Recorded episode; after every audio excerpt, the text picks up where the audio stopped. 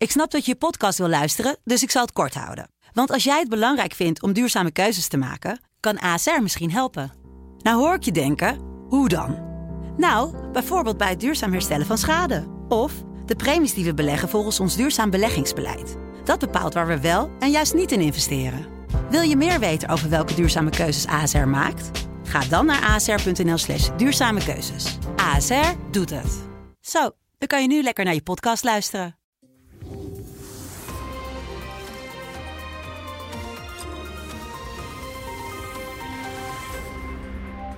Welkom bij het gesprek met Paul Jansen, de hoofdredacteur van de Telegraaf, waarmee we wekelijks doornemen wat hem bezighoudt in het nieuws. Paul, welkom. Even andere setting uh, voorlopig. Eh, we zijn even een kleine verhuizing bezig. Uh, goed dat je er bent, de, de top. We hadden een supertop. We hadden niet alleen het NAVO kwam bij elkaar, maar ook de EU en een aantal van de grote in de geïndustrialiseerde landen, waarvan ook weer een aantal van in Europa zitten.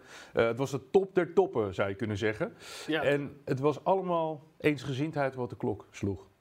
Ja, het was inderdaad spitsuur in, uh, in vergaderland van de, de, grote jongens, om het zo te zeggen.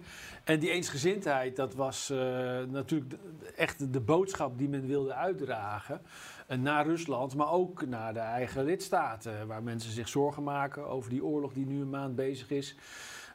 waar toch de dreiging van escalatie het in de lucht hangt. En in die zin is het, is het opmerkelijk dat de NAVO, uh, waar toch de, de echte focus op lag, uh, heeft gezegd: nou ja, wij zijn eensgezind. Maar als je dan kijkt waar die eensgezindheid in zit, dan, dan zit die er met name in. Ja, we veroordelen Rusland, maar dat wisten we al. Ja. Maar de eensgezindheid zit er met name in dat er eigenlijk niks gebeurt. Nee.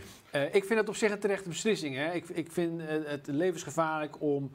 er wordt gesproken over, over die no-fly zone of op andere punten militair uh, geïnvolveerd te raken in die oorlog in Oekraïne. Want voordat je het weet uh, zit je in de wereldoorlog. En laten we wel wezen, Oekraïne is gewoon geen lid van de NAVO. Nee. Dus dat, eh, die artikel 5-procedure die, die geldt niet voor, voor Oekraïne.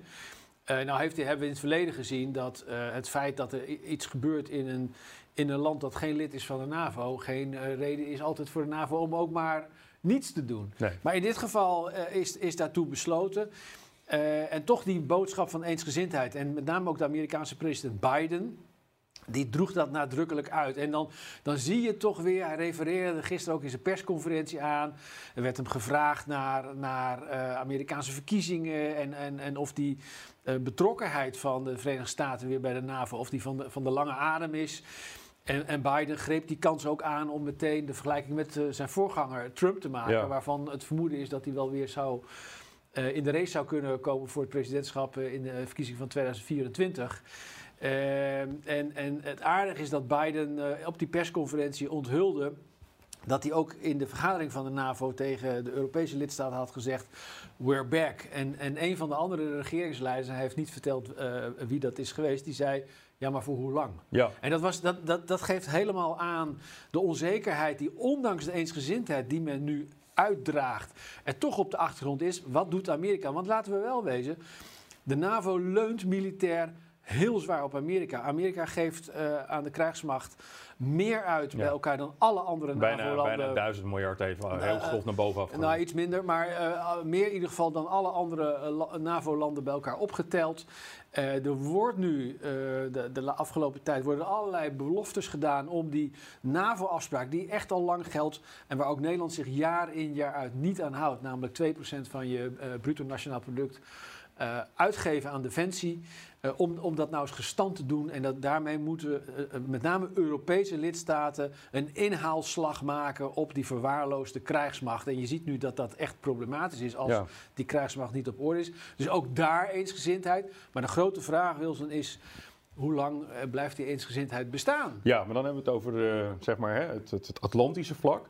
Je ziet wel nu de eerste inleidende beschietingen, en, en ja, een beetje gek deze woordkeuze misschien, dat er Europees, hè, er zijn een aantal neutrale landen die zeggen van we willen er nu toch wel bij. Ja. En er zijn ook een aantal landen die hebben gezegd, nou we moeten toch maar eens wat serieuzer gaan nadenken over samenwerking in Europa. Ja. Want op Amerika toch, hè, want wat jij net zegt, terecht, in het achterhoofd van heel veel Europese leiders zeggen iedereen al van ja, op de Amerikanen kunnen op de lange termijn toch niet gaan vertrouwen.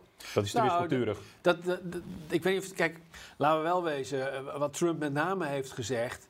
En ik, ik vond dat Amerika daar onder, hè, onder zijn uh, presidentschap ook wel gelijk in had, Ja. is van eh, boter bij de vis Europa. Ja. Omdat, juist wat ik net uitlegde, dat dat, dat hele NAVO-bondgenootschap zo zwaar leunt op de VS, terwijl er al lange tijd afspraken zijn waar ook eh, andere NAVO-lidstaten hun deel moeten doen. En, en die, die veronachtzamen dat structureel. En wat Trump heeft gezegd, ja, die had een focus meer op, eh, de, op de binnenlandse politiek. Maar wat Trump eh, nadrukkelijk heeft gezegd, niet van wij stoppen met de NAVO, Nee.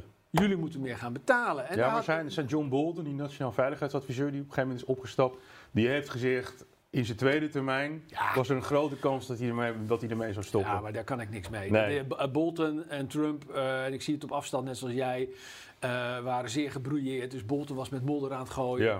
En eh wat could have been, eh, Trump is niet herkozen. Nee. We kunnen gewoon alleen de feiten vaststellen. En Maar, was is maar was, we mogen wel zeggen, hij was er geen fan van, waar niet van. van, van de NAVO. Nou, met name vond Trump dat, dat de NAVO vooral een Amerikaans Ja. instrument was geworden, waar het nadrukkelijk is opgetuigd als een westerse alliantie, als een bondgenootschap.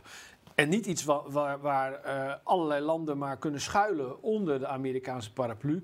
En natuurlijk heeft, eh, de Verenigde Staten, eh, hebben de Verenigde Staten heel lang eh, natuurlijk de, de- de- zijn, zijn de grote wereldmacht geweest. Ja. En ik zeg met name met, met, nadrukkelijk geweest, want je ziet hoewel het militair nog steeds het, het op afstand sterkste land is, zie je China heel erg opkomen.